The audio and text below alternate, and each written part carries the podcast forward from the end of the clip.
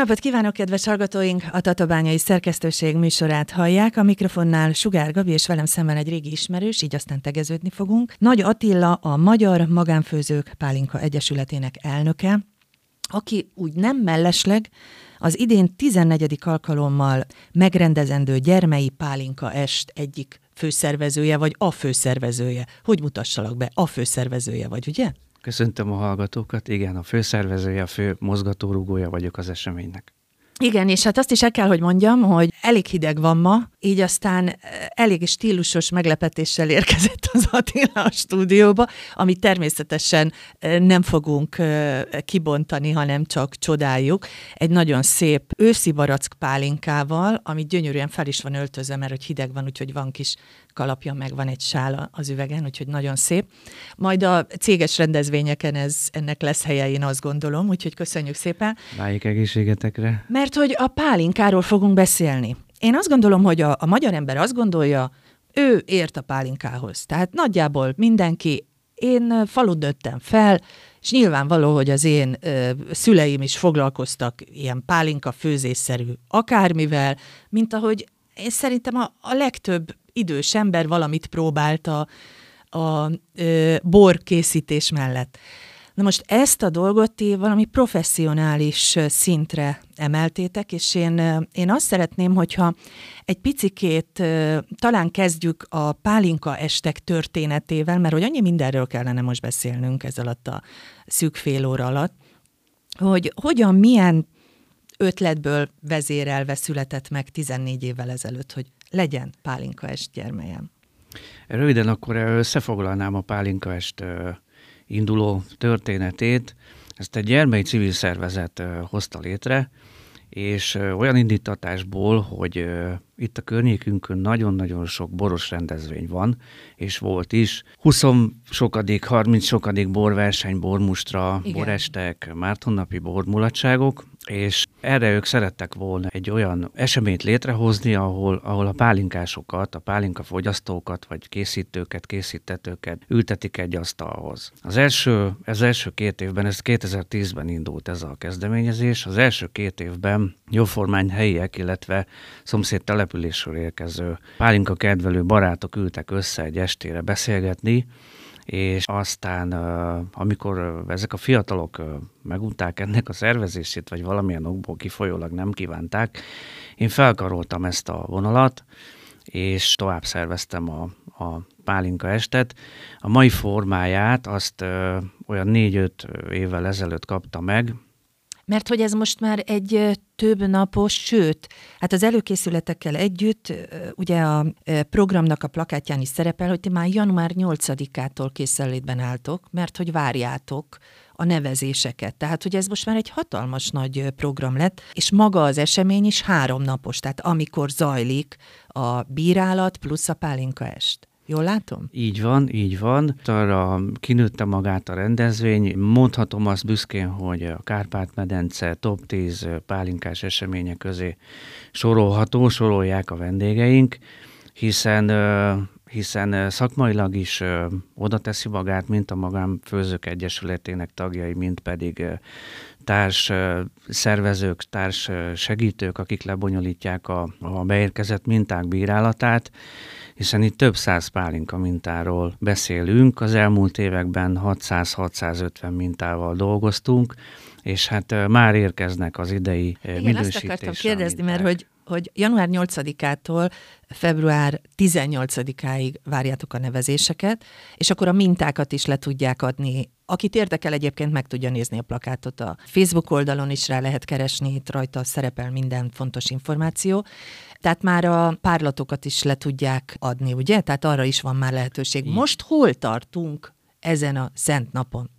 Ezen a szent napon a szervezés folyik, gyakorlatilag a, az esemény zártáig folyamatosan szervezzük az eseményt, folyamatosan alakítjuk, annak függvényében, hogy kiket tudunk bírálni, meghívni, kiket tudunk a szuperzsűribe, a csúcszsűribe felkérni, pálinka mestereket, pálinka szakértőket, illetve hol tudunk felkérni olyan egyesületi tagokat, illetve szimpatizánsokat, akik többek között itt Tatabányán is gyűjtik ezeket a mintákat. Igen, mert hogy ez nagyon fontos, hogy ez most már nem, nem is csak megyei minta, hogy elmondtad a felvezetőben ez a rendezvény, tehát sokkal messzebbről is jönnek minták, és hát természetesen Tatabányáról is, úgyhogy Tatabányán is van lehetőség arra, hogy leadják a, a mintákat, és a tatabányai nevezőknek is van helyük.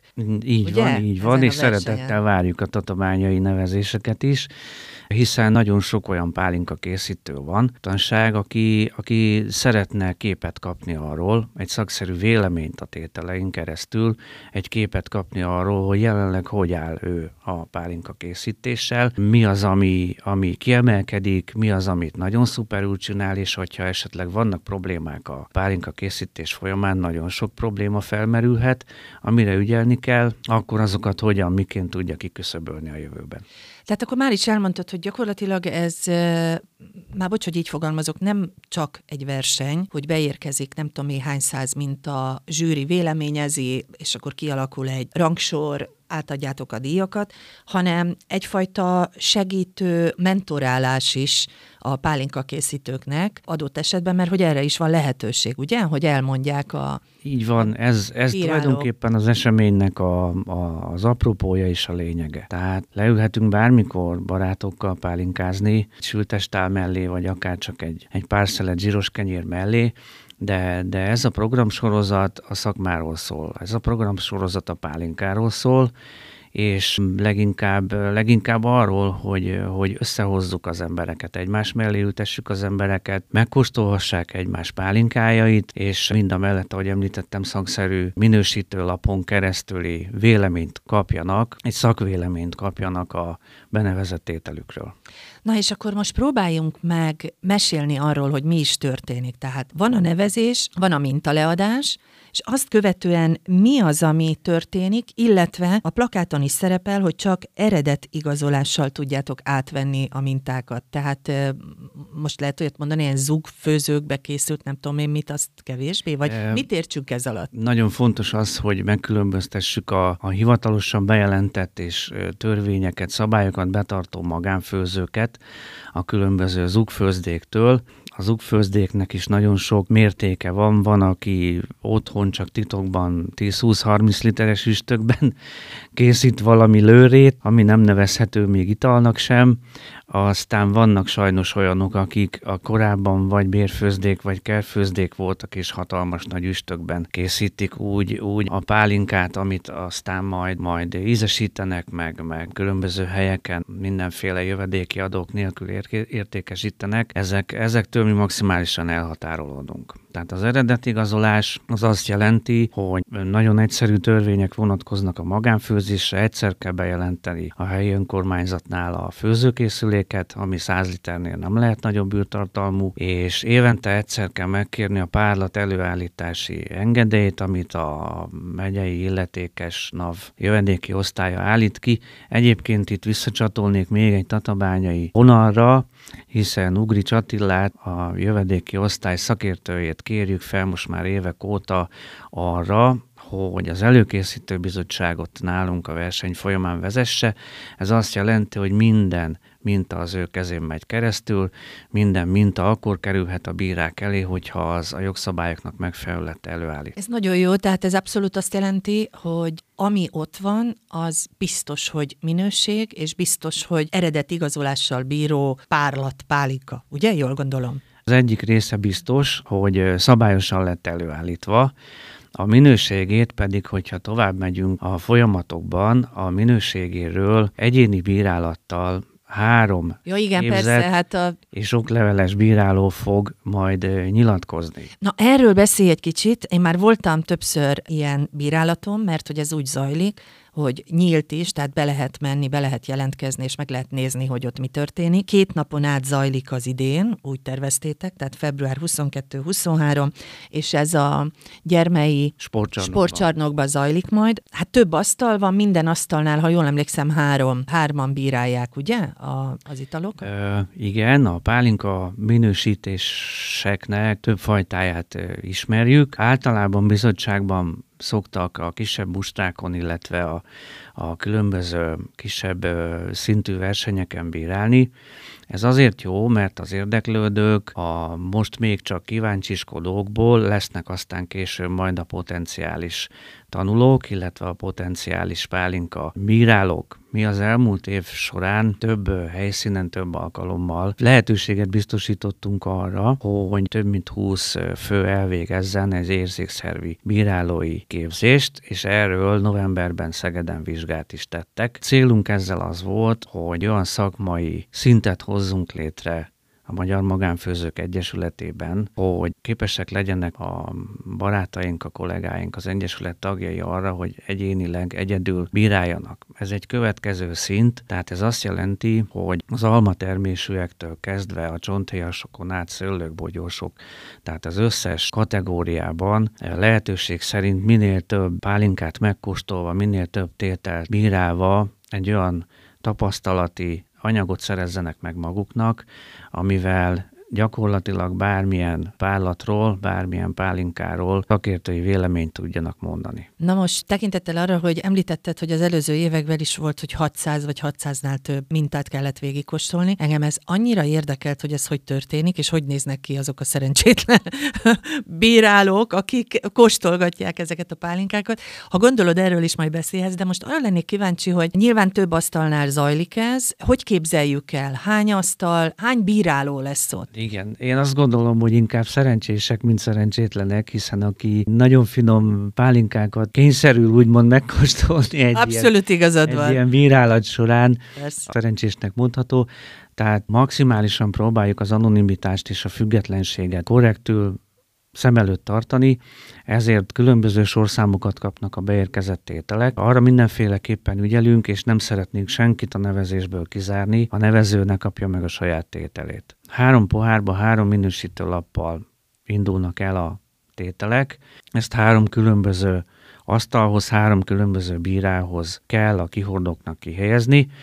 Amikor végeztek a bírák a minősítéssel, ugye mindenki különböző sebességgel, különböző ütemben dolgozik, akkor készfeltétellel jelzi, elviszik a poharát és hozzák a következőt. A poháron semmilyen jelzés nincs, a pohárba viszont többszörös ellenőrzés után megbizonyosodnak arról az előkészítő bizottság tagjai, hogy az a tétel van benne, ami minősítő lapja mellette van. Amennyiben konszenzus történik, tehát bizonyos pontszám határokon belül bírálja le a három minősítő ezt a tételt, akkor annak a, az értékét elfogadjuk, és akkor így lesz arany, ezüst, bronzérmes, vagy pedig érem nélküli a tétel. Amennyiben valamiért Nagyok az eltérések. nagyok az eltérések, akkor a szuperzsűrihez kerül a a minta, ahol további három ember már bizottságban fogja, tehát megbeszélve, kicsit kiértékelve azt a tételt, meghozni a végső eredményét. Tehát ebből is látszik, ez egy borzasztó fontos dolog, ami ott történik, és mind a mellett nagyon érdekes is, és izgalmas is. Volt szerencsém nekem beülni egy-két asztalhoz is, és elképesztő, hogy hogy mikre figyelnek, tehát hogy mi, akik kóstolgatunk pálinkát, jó íze, milyen az illata, de hogy mennyi mindenre figyel ilyenkor az, aki bírálja az adott ételt, mennyi mindenre kell figyelniük? Nagyon sok mindenre kell figyelniük. Tulajdonképpen, hogyha egy pálinka készítés folyamatát végigvesszük, akkor végig tudjuk gondolni azt, hogy hol cselekedtünk jól, és hol vétettünk esetleg hibát. Az első dolog, ami nagyon fontos, a szüret idejének a jó megválasztása. Tehát, hogyha zölden szüretelünk, hogyha zölden szedünk le egy termést, akkor az a zöld íz fog a pálinkákban megjelenni. Hogyha egy túlérett gyümölcsöt dolgozunk fel, ami úgymond plöttyet szétfolyik az ember kezébe, akkor abból egy plöttyet szétfolyós ízű pálinka lesz. Úristen, miket mondasz? Hát nálunk ez volt a gyerekkoromban, mikor már leesett, és egy kicsikét már olyan Igen, szép ott, színe volt a Van erre egy nagyon szép szó, akkor rakjuk be kármentés, ezt úgy, úgy szokták a szakkönyvek is írni, hogy kármentésből származó tételek voltak régen, ugye a, a Milyen jó ez a szó, igen. cefre alapanyagai. Ezt egyébként még a 80-as években könyvben le is írták. Tehát a pálinka alapanyaga az a gyümölcs, ami már a mezőgazdaságban, az élelmiszeriparban fel nem használható. És ez az egész verseny arról szól, hogy ez nem Tehát, hogy a, ami pálinkának megy, gyümölcs, annak is minőségének kell lenni ahhoz, hogy minőségi legyen aztán a végén az előállított Igen, párlat. tulajdonképpen ugye? azért is mondhatjuk magunknak szerencsésnek, mert jelen korszakban élünk, amikor a pálinka reneszánszát éli, és mindenki törekszik arra, hogy minél jobb tételeket állítson elő. A fogyasztói oldalon pedig arra törekszenek, hogy minél szélesebb spektrumban feldolgozott és lepárolt gyümölcsöket kóstoljanak meg, hiszen régebben nem nagyon ittunk kökény vagy sompálinkát. Abszolút nem. De ne is haladjunk ennyire előre. Tehát én vittem el a, a gondolatodat, úgyhogy bocsi. Tehát ott tartunk, hogy az is látszik a pálinkán, érződik a pálinkán, hogy korán, vagy esetleg későn került a gyümölcs feldolgozásra. Mi az, amit még nyilván minden szempontot most nem fogsz tudni elmondani, de mi az, amit még kiemelnél? Mi az, amire még figyel? Azért igyekszem, hogyha gyorsan elmondhatom.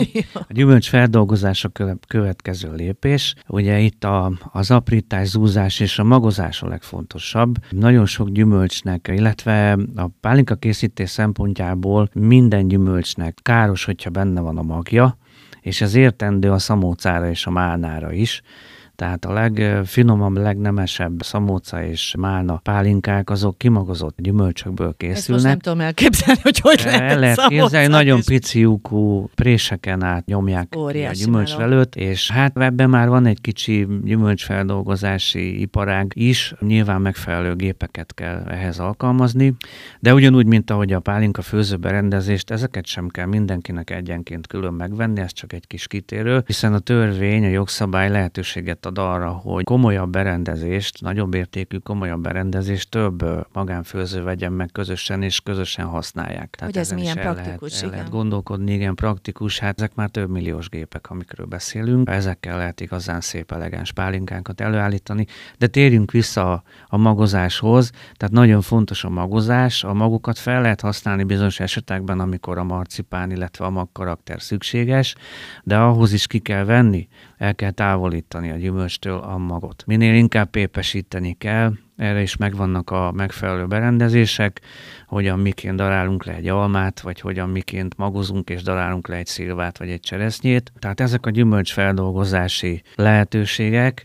Megint eszembe jutott, hogy mi hogy csináltuk, úgyhogy azért mosolygok. Igen. Menjünk tovább. A következő lépés az erjesztés, ugye a megfelelő tisztaságú edényekbe a megfelelő kitenyésztett faj élesztőkkel, fajélesztőkkel, és ezek különböző élesztő tápanyagaival, komplex tápanyagaival, pektinbontással, ami ugye semmilyen mechanikai eszközzel nem bontható fel, egy kémiai gyümölcscukorkötés, pektinbontással, és, és sok más-más egyéb aromafeltáró és oxidáció gátló enzimek hozzáadásával, amik, hangsúlyozom, bio anyagok, tehát nem kell tőlük félni, abszolút lebomlanak, illetve a cefre moslékkal kiürülnek, a pállatba nem kerülnek át, viszont nagyon csodálatos dolgot művelnek a gyümölcsel, a gyümölcs cefrével, és most már hosszú idők óta kapcsolatban vagyok a Kokofem Kft-vel, akik Magyarországon forgalmazzák ezeket a termékeket. Bátran ajánlom mindenkinek, hogy használja, tehát hogyha ezekkel van irányítottan elvégezve oxigénmentesen és megfelelő hőmérsékleten az erjesztés, akkor abból igenis nagyon szép pálinkák születnek. A következő lépés, ahol hibázni lehet, és általában nagy mértékben szoktak is, az a lepárlás. A lepárlásnál két fő dologra kell alapjába véve figyelni az elő és az utópállat megfelelő elválasztására, ugyanis az alkoholos erjedésnél minden egy, tehát teljesen mindegy, hogy milyen gyümölcsből, mindig ugyanolyan melléktermékek és nem odavaló ízek, illatok keletkeznek, ugye ezek az acetonos és, és társai, a etilacetátok, illetve a butanolok pedig a, a lepárlás végén, amiket szintén nem jó, hogyha beleengedünk az úgynevezett középpárlatba, amiből majd a pálinka készül. Akkor ezek voltak Így a legfontosabbak, amelyekre figyelni kell, és én hát most itt használt egy csomó olyan szót, amire egy nagyra mered szemmel néztem rá, hogy most kémia vagy fizika, vagy nem tudom milyen órán vagyok. Viszont a lényeg az, hogy akkor, amikor ott ültem a bírálók között, gyakorlatilag az illatból képesek voltak megállapítani olyan dolgokat, ami számomra elképesztő volt. hogy mikor, hogy jól sikerült, hogy előbb, hogy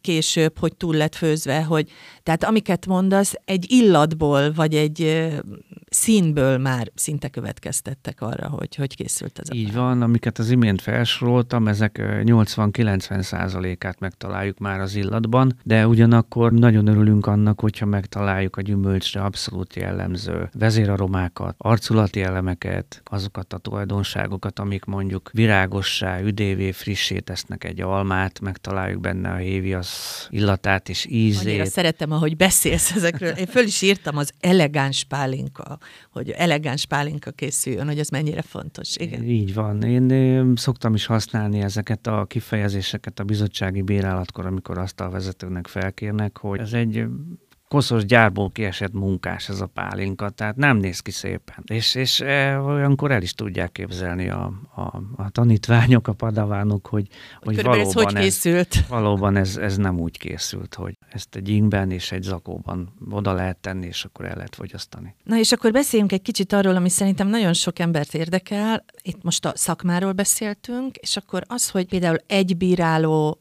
hány párlatot kell, hogy kóstoljon körülbelül, hogyan, miként készültök erre, mert erről már korábban beszéltünk, hogy ez egy rendkívül komoly, ezeket egy rendkívül komoly előkészület előzi meg, mert végül is azért ez egy nagy felelősség, hogy végig nézni, végig illatozni és kóstolni adott esetben, mert hogy ez a legfontosabb, a párlatokat. Igen, nagy feladat, ezért is nyújtottuk ki egy kicsit a minősítést már csütörtök délutánra, tehát február 22-én csütörtökön délután már elkezdjük a minősítést, és a fő műsorszám az pénteken lesz. Az egyéni bírálat miatt, amit most még egyelőre papír alapon fogunk vezetni, de bízom abban, hogy a jövőben vissza tudunk térni a külön hétvégés minősítésre, illetve a gálaestre, ami egy sokkal nyugodtabb körülményt biztosít a szervezők számára, és nyilván a minősítők számára is. Itt nem lehet elcsúszni, nem kerülhet bak ki a folyamatokban, hiszen szombaton este, a díjkiosztó gála esten. Az lesz február 24-én 17 24-én szombaton, így van, ott már ki kell osztani az összes oklevelet, ki kell osztani a 17 kategória győztesének járó egyedi készítésű butellát, ki kell osztani továbbá egyéb külön díjakat, a legjobb gyermei pálinkát, a legjobb Komárom-Esztergom megyei pálinkát, illetve díjazni szoktuk még eredményesség szempontjából a legjobb magánfőzőt, a legjobb bérfőzetőt, illetve mivel abszolút mértékben nyílt a versenyünk, várunk és fogadunk be pálinkákat kereskedelmi főzdéktől is. Értem. Szóval akkor zajlik a bírálat, hogyan készülnek még egyszer megkérdezem, hogy hogyan kell felkészülni arra, hogy mit tudom én hány párlatot, pálinkát felelősséggel végig tudjanak kóstolni. Ugye említettem, minden minősítőnek más a sebessége, más a gondolatmenete, van, aki többet ír, többet fogalmaz, különböző nagy versenyeken, ahol számítógépen értékeljük a mintákat, mint például az országos pálinka és törköly pálinka verseny, ott 500 karaktert kell írni minden egyes tételről, tehát addig nem, nem engedi kevés. a számítógép lezárni a, azt az nem kevés. Az nem kevés, úgyhogy lehet áradozni, lehet énekelni róla, szépen csendben billentyűzet segítségével. Így úgy kell felkészülni rá, legalábbis én úgy szoktam, amikor minősíteni hívnak, hogy előző napokban már rá koncentrálok arra gondolok, hogy milyen tételek fognak jönni, arra gondolok, hogy milyen fő arculatelemei vannak, akár a csonthéjasoknak, akár az almatermésűeknek, a bogyósoknak, szőlőknek, törkölyöknek, tehát megpróbálom magamat felkészíteni, mint egy vizsga.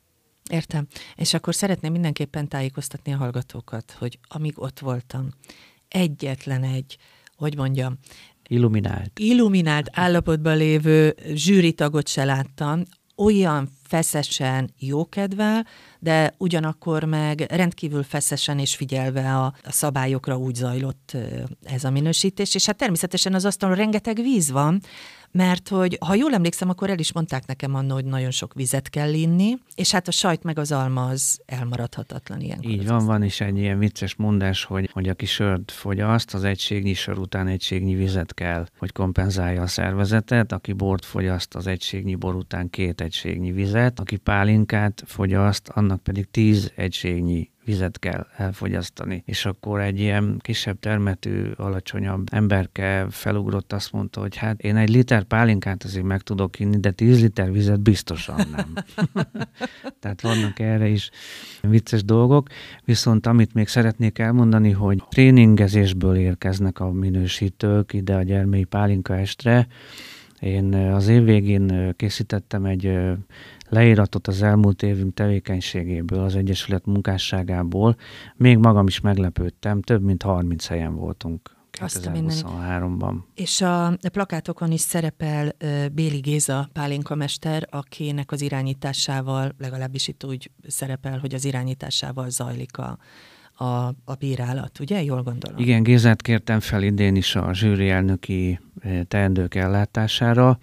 Ő az, aki összefogja a bírálókat, vele egyeztetjük, hogy kiket mit hívunk, vele egyeztetjük, illetve hajtjuk végre azokat a feladatokat, amik uh, ahhoz kellenek, hogy, hogy tényleg, amint és ahogy láttad, tökéletesen működjön egy ilyen minősítés. Na és akkor most egy picit a külcsényel is foglalkoznék, még az elkövetkezendő egy-két percben, meg körülbelül annyink van. A, a díjkiosztó pálinka est, ez egy rendkívül látványos program, hogy úgy mondjam, és talán azért is, hát nyilván azért is, mert nagyon sokan várják, hogy milyen minősítést kaptak a pálinkák. Kínálni szoktátok olyankor a a díjazott állatokat, pálinkákat. Mi kell a pálinka mellé? Hát disznótoros vacsora, tehát az is szokott lenni, és hát valami elképesztő szép öltözéket is felszoktatok venni, mert hogy te tagja vagy a pálinka rendnek is. Pálinka lovagrendnek. Pálinka van, lovagrendnek, ugye? Na, kezdjük akkor az elején. Így van, tehát a díjkiosztó gála est az egy nagyon fontos találkozási pont a Kárpát-medencei pálinkásoknak, nem csak lovagoknak, hanem mindenkinek, aki szereti, kedveli, készíti, fogyasztja a pálinkát, illetve kedveli az olyan beszélgetős esteket, amik pálinka köré épített kicsit ilyen gasztronómiai és kulturális események, hiszen megjelennek ott az iskolások különböző néptáncokkal, amiket most már óra rendben oktatnak, tehát nagyon jó ez is, hogy bekerült, visszakerült, nem tudom, régebben volt, a mi időnkben még nem volt. Néptánc, népzeneoktatás, lesz egy zenekar, akiket felkértem, hogy a szünetekben, illetve a gálest vacsorája után egy kicsit szórakoztassák az embereket.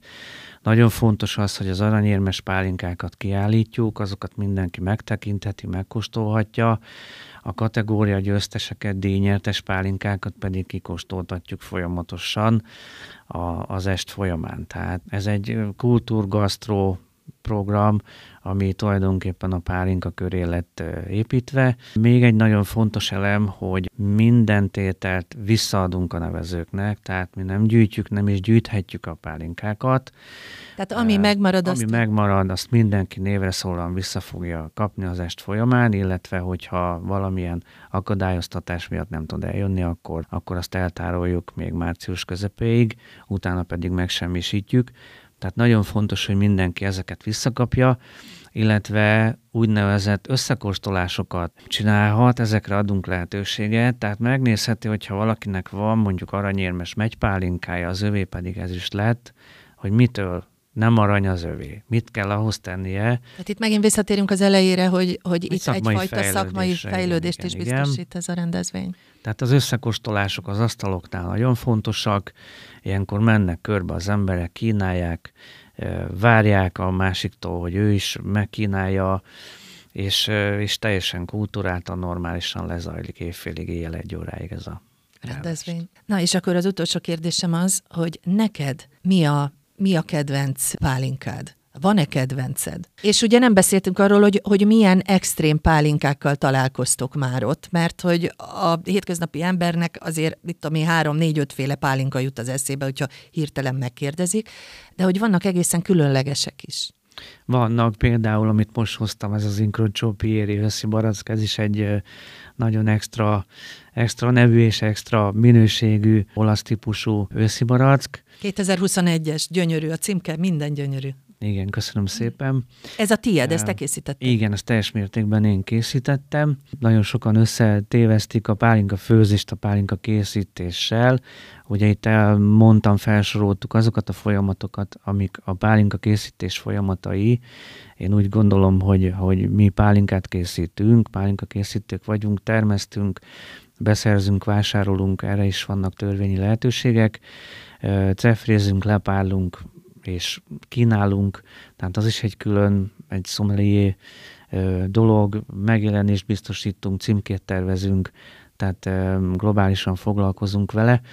Kedvencem pedig nagyjából a szilvák és a törkölyök, de vannak most már nagyon, nagyon szép fűszeres cseresznyék, megyek, amik, amik bombonmegyekhez hasonló ilyen csokoládés lecsengésű, kis ilyen marcipános tételek, azok is nagyon finomak. Hát én nagyon szépen köszönöm, hogy itt voltál. Én szerintem nagyon sokat megtudtunk a pálika készítésről, most próbálok erre ügyelni innentől kezdve, és a gyermei pálinka estről, és felhívnám a kedves hallgatók figyelmét, hogy február 18-áig lehetett leadni a nevezéseket, ugye? Vagy lehet még leadni? Lehet még, hiszen még csak január 23-a van. Igen, és meddig? Január hát, végéig? Hát február 18-ig gyűjtjük ja, február a mintákat, 18-ig. Jó. 22-ére számítógépre visszük, előkészítjük, Attilával ellenőrizzük a tételeket, Uglics Attila úrral, és, és aztán 22-én délután pedig várunk minden, szeret, minden érdeklődött szeretettel, akár a, a, a minősítésbe való betekintésre, illetve 24-én szombaton pedig a gálásra. Kedves hallgatóink, köszönjük, hogy velünk voltak. Viszont hallásra!